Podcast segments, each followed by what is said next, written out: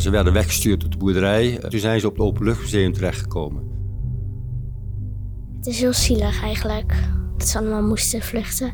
Dat de Duitsers ook in het huis gingen en spullen meenamen.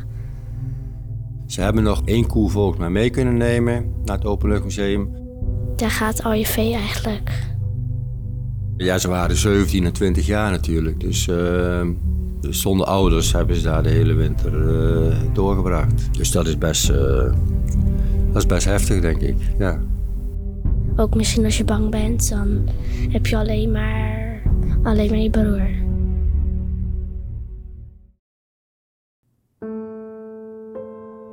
Je luistert naar de podcastserie Ik Kom Terug. Waarin je verhalen hoort van de ruim 100.000 mensen die de slag om Arnhem hebben meegemaakt. In 1944 moesten ze hals over kop hun huis verlaten. Niemand wist waar naartoe of voor hoe lang. De Duitsers hadden Arnhem bezet en wilden ruimte maken om de stad te kunnen verdedigen. Mijn naam is Linda Geerdink en ik sprak 20 ooggetuigen met ieder een eigen litteken. En omdat vrijheid niet vanzelfsprekend is, geven we hun verhalen door aan de jeugd van nu. In deze aflevering het verhaal van de broers Geurt en Joop Weijers uit Arnhem door de ogen van de 11-jarige Sophie. Samen met dichter Jesse Laporte maakte zij een gedicht over de mannen. Ik ben Sophie en ik ben 11 jaar oud en ik wil heel graag meedoen omdat het is heel bijzonder wat allemaal is gebeurd hier heel dichtbij. En heel veel mensen zijn er dood gegaan, dus ik vind wel dat het altijd herdacht moet blijven worden. De broers Scheurt en Joop Weijers waren 20 en 17 toen zij de oorlog meemaakten. Zij woonden samen met hun ouders op een boerderij in Meinerswijk, een uiterwaardengebied tegenover het centrum van Arnhem. Op 24 september 1944 namen de Duitsers hun boerderij in en moest het gezin vertrekken. Ze kunnen het zelf niet meer navertellen, maar de zoon van Geurt, Erik wel. Erik, jij woont nu nog op die boerderij.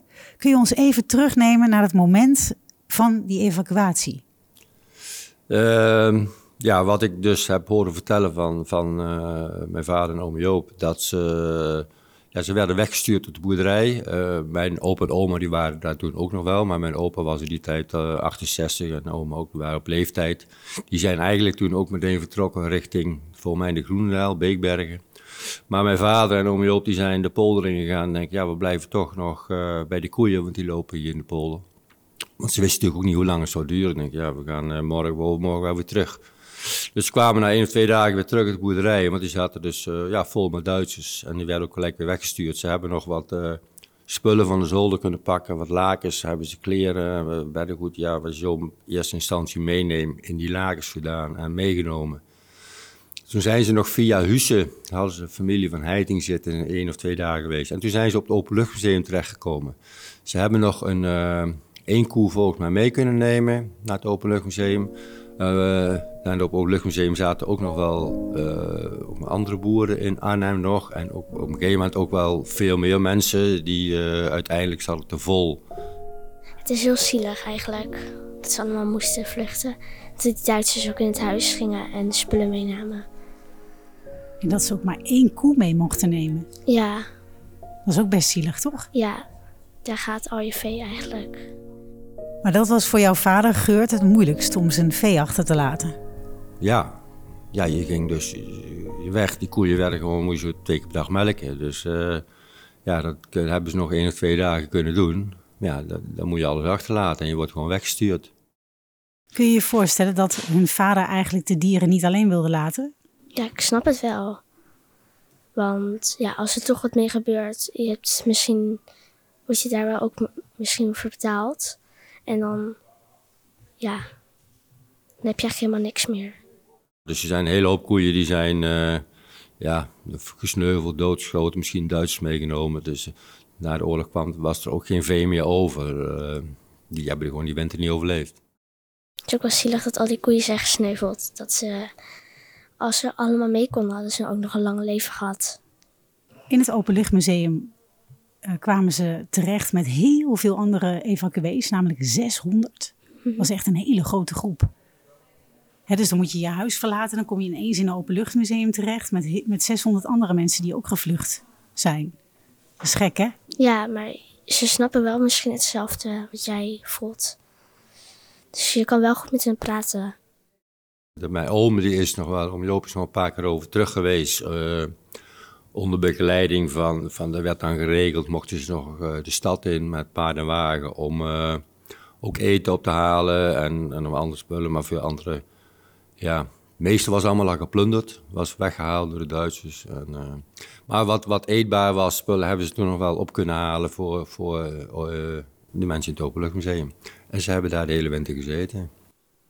Dus ze boffen wel dat ze nog eten mochten halen. Maar ik vind het ook wel zielig dat alles bijna weg was. Ja, voor 600 man, daar heb je best veel voor nodig. Eh, uiteindelijk zat het te vol. Heb ik begrepen dat die in oktober, november hebben ze het eigenlijk een beetje schoongeveegd, eh Openluchtmuseum, dat iedereen door moest gaan, de, die evacuees. En, eh, en toen hebben ze alleen nog een paar, ja, zeg maar, beheerders, mensen die, die de gebouwen en de koeien die er dan waren, vee dat, dat er was, verzorgden. En die hebben daar nog achter kunnen blijven.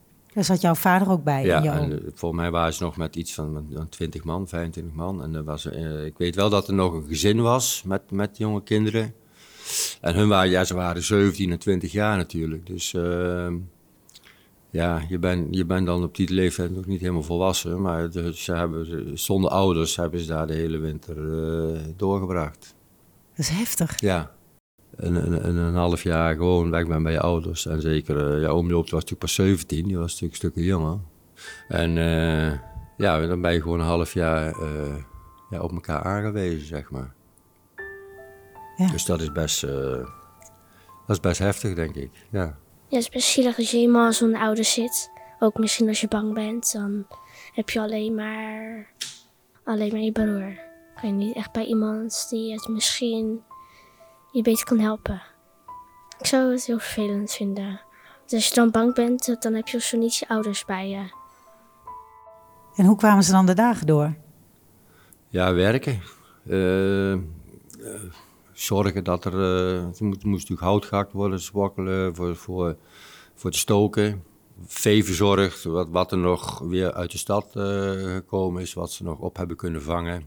En, Dus het en boeren daar ging eigenlijk gewoon door blijven boeren. Ja, ik bedoel, eh, groenten verbouwen. En eh, ja, dat was natuurlijk in, in, in de herfst, maar in ieder geval hier en daar nog zien eh, eten te krijgen. Dus, eh, volgens mij waren ze best wel de hele dag eh, bezig. Nu waren ze dat gewend, want ze Waar kwamen, sowieso. kwamen van de ja, boer waar natuurlijk. sowieso geen, geen mensen om stil te zitten. Dus eh, ja, ik weet niet, misschien hebben ze nog wel wat opgeknapt wat kon, ik weet niet. Maar ik denk gewoon de zorgen dat je veilig de dagen doorkwam. En Ze hadden volgens mij één gebouw of twee gebouwen waar ze dan eh, ook konden gaan zitten voor, eh, als, als schuilkelder. En eh, ja, daar zullen ze ook in gezeten hebben, denk ik. en vooral de laatste periode, denk ik. Ja, ze hadden nog wel wat, maar het was niet heel veel. En ze konden, maar ze konden wel gewoon werken. Dat is misschien wel fijn voor hun. Even aan iets anders denken. En voor de rest was het, ja, hebben ze geen hele slechte tijd volgens mij meegemaakt daar zo. Het was uh, Het was best goed vertoeven daar in het Openluchtmuseum. ons kant ons. En ze- ja, ze, ze, ze, waren gewoon aan elkaar, voor elkaar denk aan het zorgen. En eh, ze hebben nog wel een keer dat die, eh, eh, zou die eigenlijk opgepakt moeten. Hij moest, hè, op die leeftijd dat hij naar, eh, naar Duitsland zou moeten voor een werkkamp. En toen heeft er nog wel iemand, ook van het Openluchtmuseum, die heeft dan eh, voor elkaar kunnen krijgen dat hij een ontheffing had, omdat hij niet, eh, dat hij niet weg kon. Dat hij daar nodig was voor het, voor het werk, zeg maar. En eh, de- daardoor heeft hij ook niet weggehoeven. Kon hij daar blijven. Nu was jouw vader ook zorgvuldige administrateur, dus hij hield alles bij in Die, dagboeken. die, schreef, die schreef wel heel veel op, ja. En hij heeft denk ik drie, vier A4'tjes volgeschreven met het verhaal wat het zo'n beetje verlopen is. En dat is ook wel een beetje het verhaal wat ik, wat ik zo vertel. Maar ik ben dat kwijt. Je bent het kwijt. Ja, ik ben dat, dat verhaal wat hij opgeschreven heb, eh, ik kan het nergens meer vinden. Dat is wel jammer. Ik heb hier nog wel een, het eh, bewijs dat hij eh, voor zijn levenslang het Openluchtmuseum gratis kon bezoeken. Hebben ze toen gekregen. Dus Dit, Ja. Hier mocht hij gewoon zijn leven lang mee in het Ja, openluchtmuseum. Toegang tot openluchtmuseum voor, voor het leven staat erop. Hebben ze toen bij een reunie een keer gekregen. Ja, het staat hier eh, letterlijk bewijs van toegang voor het leven voor de bewoners van het Nederlandse Openluchtmuseum ten tijde van de evacuatie september-december 1944. Het is wel bijzonder als je dat krijgt, omdat je ook helemaal hebt gezeten. Dus ja, als je dat krijgt, is het voor hun best bijzonder. Ken je het Openluchtmuseum? Ja, Ben je er wel eens geweest? ja, ik kom er best vaak. En als je dan bedenkt dat zijn vader dit allemaal daar heeft meegemaakt. Ja, eerst dacht je gewoon, het was alleen maar een museum. Maar eigenlijk hebben daar dus best veel mensen ook gezeten. Dan ga je toch wel even denken, oh ja, er was ook dat. Ik heb nog een stukje bij me in de krant van eh, iemand die er ook zat. Dit is van Jan Zuiderhoek. Die is in 2014 nog een keer geïnterviewd. Ik weet niet of die man nog leeft. Maar die zat er ook en die hadden een boerderij. Dat zie ik hier nou net in Oosterbeek. Maar, en hier staat ook informatie in in dit krantenartikel over jouw vader. Ja, hier staat ook nog een stukje in dat hun, eh, de hun daar ook zaten. Kan je dat eens voorlezen? Nadat iedereen weg was, ben ik nog met de gebroeders Weijers aan de slag geweest om alles hier schoon te maken. Het is maar goed dat al die mensen daar niet meer zaten, want op 11 februari 1945 sloeg daar een VE in, een vliegende bom. Ja, ze hadden een gebouw staan waar een hele hoop mensen zaten. Die moesten, staat hier 29 december, moesten die weg. Er zaten 300 mensen, die moesten daar toen nog weer weg. Ik woonde met twee ooms in de boerderij van Vierhouten. Dat is een boerderij op het Openluchtmuseum. En een van hen vloog met stoel en al tegen de deel aan. Zo sterk was de luchtdruk na de inslag. Dat was wel heel erg, echt die bom. Zo, ja, het klinkt heel erg. En als je dat misschien hebt gezien, dan echt denk ik wel een nachtmerrie. Je moet er niet aan denken dat al die 600 mensen daar nog hadden gezeten. Ja, anders waren er nog meer doden. Nu is er toch nog wat teruggevonden in het Openluchtmuseum. Ja? En daar is een interview teruggevonden van jouw vader. Ja, er is een interview geweest, ja. Met jouw vader en Ja. zijn broer. En dat Ja. hebben ze teruggevonden in het Openluchtmuseum. Oh, dat is mooi. Ja? Ja, zeker. Dat is heel mooi. Ik heb hier een stuk van het interview. Je mag het wel even zien. Ja? En misschien kan je een stukje voorlezen. Jullie hebben het heel intens meegemaakt en dat je daar in dat frontgebied, precies tussen de Niemandsland en Niemandsland, tussen de twee li- vuurlinies in. Ja, het is een beetje moeilijk te lezen, hè? Zal ik kijken of ik het kan lezen? Jullie hebben het heel intens meegemaakt en dat je daar in dat frontgebied precies zat tussen de vuurlinies. Ja, tussen niemandsland, dat is dan hun antwoord, niemandsland, tussen de twee vuurlinies in. Toen mijn vader en moeder in het inkwartier gekomen waren van die Duitsers in het Openluchtmuseum, die fouragedienst, maar ook stukken afweergeschut hadden ze opgesteld. Die stonden daar bij de Zaanse buurt, net bij de poort, op het veld. Daar stonden ze. Waar nou de ingang is, daar stonden ze ook. Toen die zijn gekomen, zijn mijn vader en moeder zijn toen weggegaan. Wij blijven niet hier, zeiden ze. Wij wel. Dat moet een moeilijk moment Ja, zijn ja, geweest. ze zei mijn open oma, dus die zei, wij blijven niet hier, die zijn doorgegaan. En toen zijn eh pa en oom die zijn wel daar gebleven. Nou ja, dat moet echt heel moeilijk zijn geweest. Ja. Je hebt hier een fotoalbum bij je. Wat zien we hier? We zien hier foto's van eh, een grotendeel van, van eh, ook nog van voor de oorlog. Maar dit is ook een album wat eigenlijk overgebleven is. Eh, na de oorlog was er natuurlijk heel weinig meer. Want, eh, er- is nog een album volgens mij, dat is bij de familie, die, zijn, die is half kapot geschoten met de halve bladen eruit en zo. Dat is, dat is nog. Maar dit zijn, eh, dit zijn een hoop foto's van, eh, van mijn opa en oma.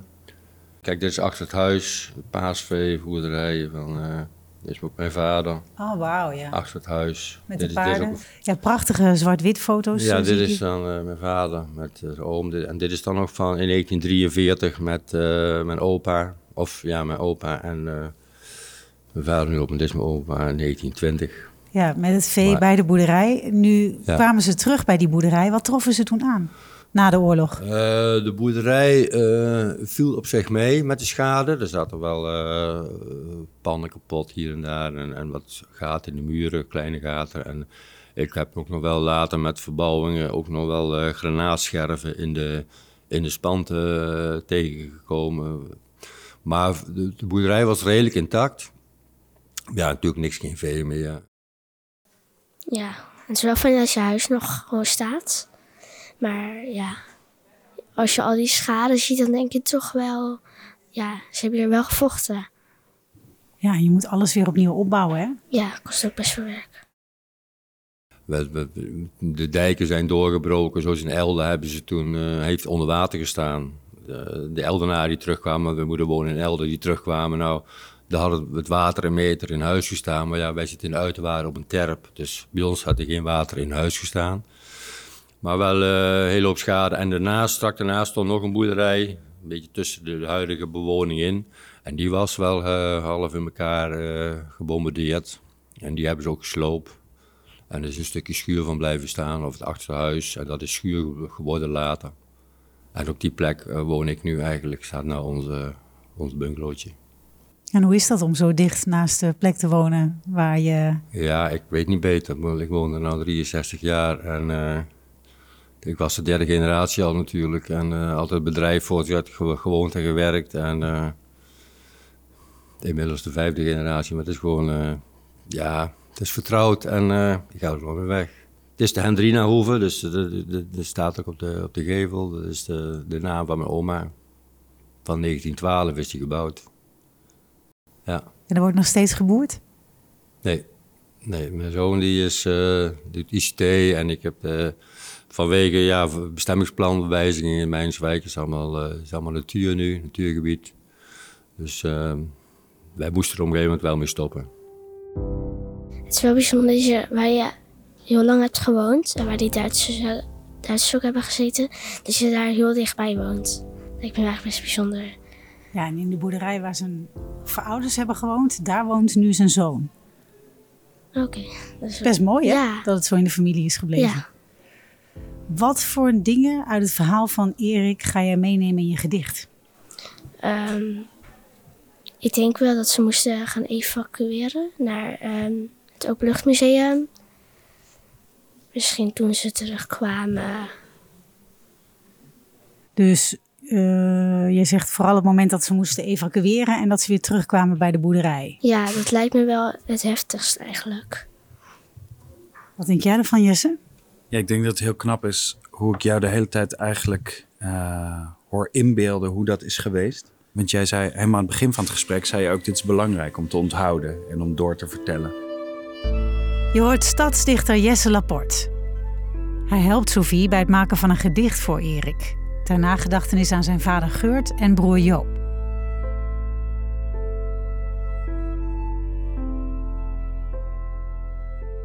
Dus ik dacht, als we dan de dingen die jij belangrijk vindt in een gedicht schrijven. En stel dat ze dat dan terugvinden, net als dat dagboek van zijn vader. De, de slag om Arnhem is nu zo'n 80 jaar geleden. Stel dat ze jouw gedicht over 80 jaar terugvinden. Wat zou je dan aan de mensen willen meegeven? Wat zou je dan willen dat erin staat? Dat is toch echt wel, ook is het gebeurd. En Ja, ja, dat vooral. ja. Dus dat we laten horen hoe, hoe erg het is geweest voor die ouders van Erik. Of voor Ja. die, ja. En dat we dat proberen op te schrijven. Ja. Moet dit een beetje alsof je het zelf hebt meegemaakt of alsof je het over iemand anders vertelt? Wat, wat vind je het mooist, denk je? Wat Ja, zou je het ik denk dat het als je een beetje alsof je het lijkt of je het zelf hebt meegemaakt, Ja, dan wel veel dichtbij er misschien bij mensen komt. dat is heel knap als je dat kan. Heb je een idee hoe je zou willen beginnen? Nee, niet echt. Als je dan begint met bijvoorbeeld de zin... ik moet jullie iets vertellen. Want het is heel belangrijk, toch? Ja, Dat ze dit meekrijgen. En dat we dan kijken wat er gebeurt als je dit eh, opschrijft.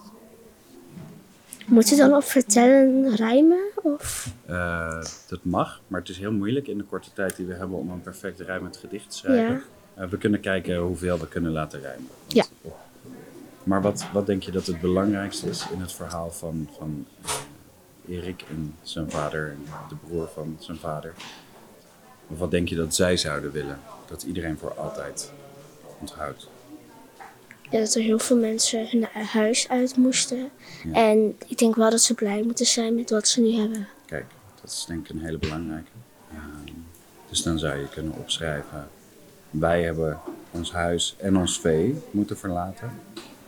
En dat je dan iets schrijft over hoe gelukkig zij mogen zijn. Iedereen Ja. die dit leest. We hebben ons huis en vee moeten verlaten. Of Dat is een mooie zin. langste huis met gaten. Ja. Zo mooi. Nu zitten we hier in het open...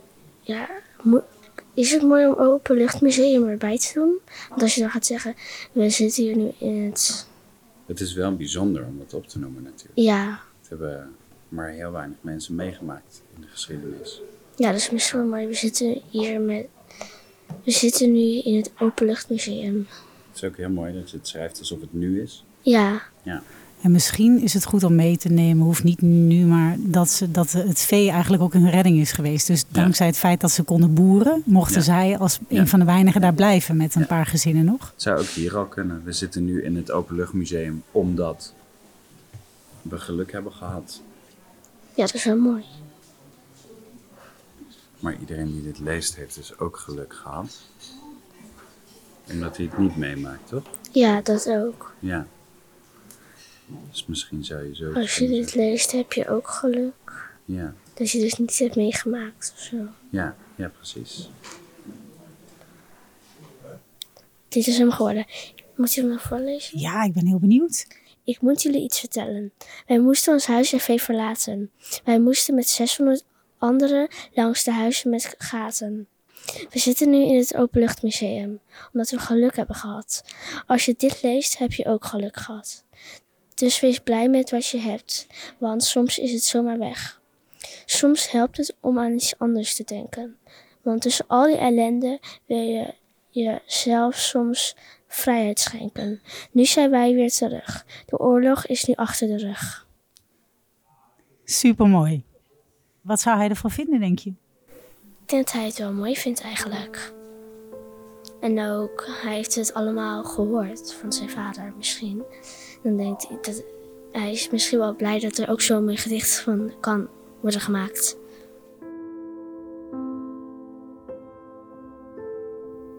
De dag waarop Sophie en Erik elkaar gaan ontmoeten is aangebroken. Wat vindt Erik van het gedicht van Sophie? Laat het inderdaad een onuitwisbare indruk achter?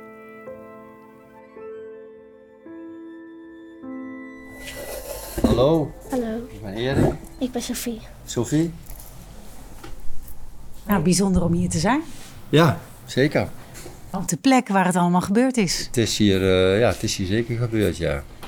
Komt niet heel vaak, maar als ik toch wel een paar keer over eh, het Openluchtmuseum en dan eh, kom je toch wel op plekken waarvan je denkt van nou, hier heeft mijn, eh, mijn vader en zijn broer eh, een hele winter doorgebracht eh, tijdens de oorlog. Dat is wel bijzonder. Ja. Zag het dus ook nog zo uit of is het nu heel erg veranderd? Ehm, ik weet ook niet precies natuurlijk hoe het er toen, toen uitzag. En, ehm, maar over het algemeen denk ik dat er best een hele hoop dingen hetzelfde gebleven zijn. Eh, zoals de boerderijen eigenlijk er nou bij staan, zo hebben hun daar eh, de winter doorgebracht. Dus, ook gewoond eigenlijk. Ja, eigenlijk Ja? is dat wel ook heel indrukwekkend, want ze hebben het ook helemaal zelf meegemaakt. Want niet alle mensen hebben dat meegemaakt. Nee, en degenen die het, eh, die het nog na kunnen vertellen, dat wordt, eh, dat wordt steeds minder natuurlijk. Er zijn allemaal mensen van, eh, nou ja, ik denk wel boven de 90 jaar. Dus dat, eh, en ik heb het dan wel van mijn vader eh, en zijn broer direct gehoord. Maar ehm, ja, ik vertel het dan weer misschien toch weer iets anders. Ik heb het natuurlijk zelf niet meegemaakt, maar wel de verhalen gehoord vanuit eh, iemand die het wel echt meegemaakt heeft. En nu gaat Sophie het doorvertellen. Ze heeft Ja. iets moois gemaakt Iets voor moois jou. gemaakt, ja? Ik heb een gedicht voor jou gemaakt en die ga ik nu eh, aan jou voorlezen. Ik moet jullie iets vertellen. Wij moesten ons huis en vee verlaten. Wij moesten met 600 and- anderen langs de huizen met gaten. We zitten nu in het Openluchtmuseum, omdat we geluk hebben gehad. Als je dit leest, heb je ook geluk gehad. Dus wees blij met wat je hebt, want soms is het zomaar weg. Soms helpt het om aan iets anders te denken, Want tussen al die ellende wil je jezelf soms vrijheid schenken. Nu zijn wij weer terug. De oorlog is nu achter de rug. Mooi, mooi, heel mooi gedicht. Echt. Ik zie weer ook tranen in de ogen. Je hebt het mooi gemaakt hoor, Ja. echt mooi gedicht gemaakt. Ja. Moet ik hem nog geven? Je mag het aan hem laten zien, ja. Ga je dat mij laten zien? Oh, kijk. Mooi. Ja. Mooie foto van eh, mijn vader en oom Joop was dat. En die waren echt... eh, mijn vader was toen 20 jaar en mijn oom 17. Dus dat is best, eh, best jong. En ze zijn ze hier de hele winter geweest zonder hun ouders. Dus alleen eh, met z'n tweeën. Met an- wel andere mensen natuurlijk die hier zaten. Maar het is natuurlijk best bijzonder dat je dan al een hele winter in zo'n eh rottige periode met de oorlog eh, zonder je ouders moet doormaken. Dus Erik, ik zag dat het je raakte, het gedicht. Wat, wat, wat raakte je het meest? Ehm, nou ja, toch hetgene, het feit dat, ze, dat je zegt van, eh, kun je dit ook weer lezen, dan heb je het ook overleefd. Er zijn natuurlijk een hele hoop mensen zijn, eh, die hebben die oorlog niet overleefd. En als je dan eh, best spannende periodes meemaakt in die oorlog natuurlijk, en je, hebt het dan, je komt dan toch levend, maak je het mee. En dan ook met anderen natuurlijk dan ja, is dat wel bijzonder natuurlijk. Dat, ra- dat raak je wel, ja. Nou, hartstikke mooi. Ja. Dankjewel. Hang hem op thuis. Ja, leuk. En eh, ja, als je vertellen door. Ja, dat zou ik doen. Ja? Ja. Oké, dankjewel.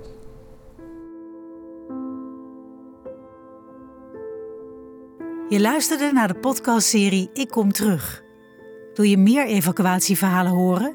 Luister dan hier naar andere indrukwekkende herinneringen. Zo ook het verhaal van Thea Bouwhuis. Zij liep als meisje van 13 een trauma voor het leven op.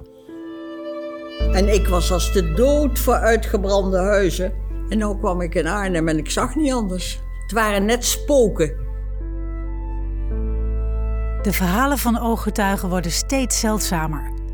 Deel daarom deze podcast, zodat iedereen hoort dat vrijheid niet vanzelfsprekend is. Deze podcastserie is mogelijk gemaakt dankzij de samenwerking tussen Airborne Museum Hartenstein, het Nederlands Openluchtmuseum, de Airborne Region, Bureau Kessel en de NOW Foundation. Met steun van provincie Gelderland, Programma Vrijheid, gemeente Arnhem, VSB-fonds en het V-fonds.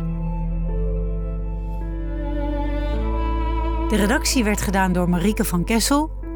De montage lag in handen van Linda Geerdink. En de eindmix deed Peter Kluiver.